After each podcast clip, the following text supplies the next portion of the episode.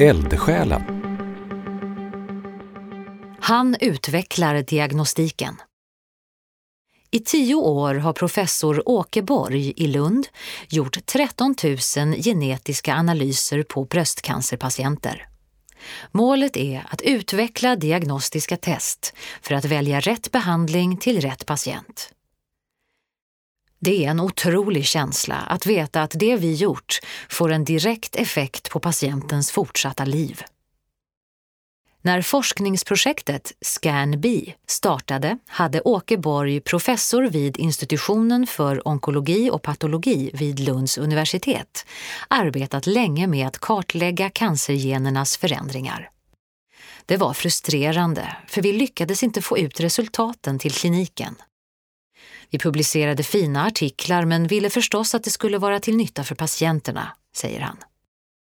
Året var 2009 och Åke Borg ville göra något långsiktigt. Något som kunde beskriva bröstcancersjukdomen som den ser ut idag och på sikt förändra hur patienterna behandlas. Idén om en populationsbaserad, fortlöpande och oselekterad insamling av material började ta form. Tillsammans med kollegor inom forskning och klinik satte han igång. De fick ekonomiskt stöd från Berta Kamprads stiftelse, väckte nytt liv i det nätverk som Sydsvenska bröstcancergruppen tidigare etablerat och fick stöd från Regionalt cancercentrum i södra sjukvårdsregionen. Det bestämdes att alla bröstcancerpatienter i regionen skulle få frågan om att vara med i studien och att alla de kliniska delarna med blodprov och tumörprovtagning skulle bekostas av sjukvården. Jag tror att man från vårdens sida såg en chans att få till en kliniknära forskning. Det var en helt fantastisk känsla att få så positiv respons från kirurger, onkologer, patologer, sjuksköterskor och annan sjukvårdspersonal.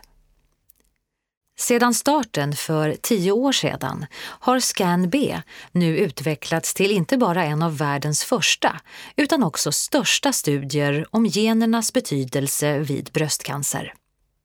Hittills har över 13 000 bröstcancerpatienter lämnat blodprov och fler än 9 000 tumörprover har samlats in och analyserats.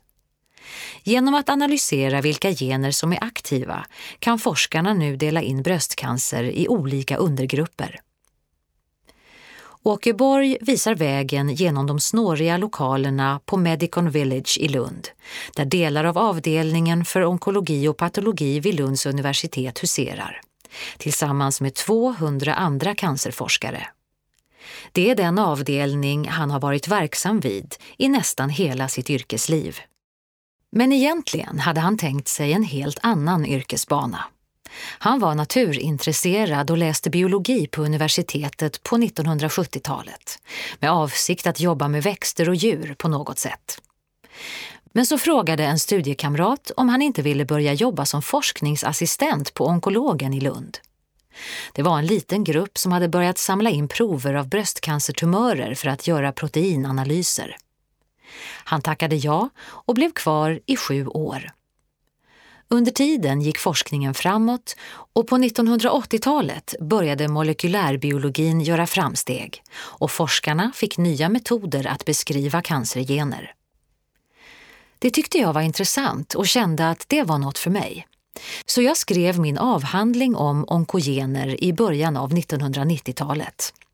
Bland annat om HER2 som idag är ett av de mål man har vid riktad behandling för bröstcancer. Den kunde vi vara med att beskriva genom internationella samarbeten, berättar han. Parallellt växte hans intresse för ärftlig cancer. Det fanns redan mottagningar för familjer med många cancerfall men förutom att rita släktträd och ta anamnesen kunde vården inte erbjuda så mycket mer än uppföljning baserat på sjukdomens nedärvning i släktträdet. Men så i början av 1990-talet började genombrotten komma. Forskarna hittade allt fler bevis för att det finns gener som visar på ärftlighet för bröstcancer. När generna hittades och man kunde göra en riktad analys för att beskriva mutationer och orsaken till den familjära sjukdomen så exploderade det. Det var otroligt spännande och vi hoppade på det fältet direkt, berättar han. I forskargruppen Familjär bröstcancer, som Åke Borg fortfarande projektleder, skrinas årligen tusentals patienter över hela landet som löper stor risk att bära på förändrade cancergener. Resultaten rapporterades tillbaka till vården.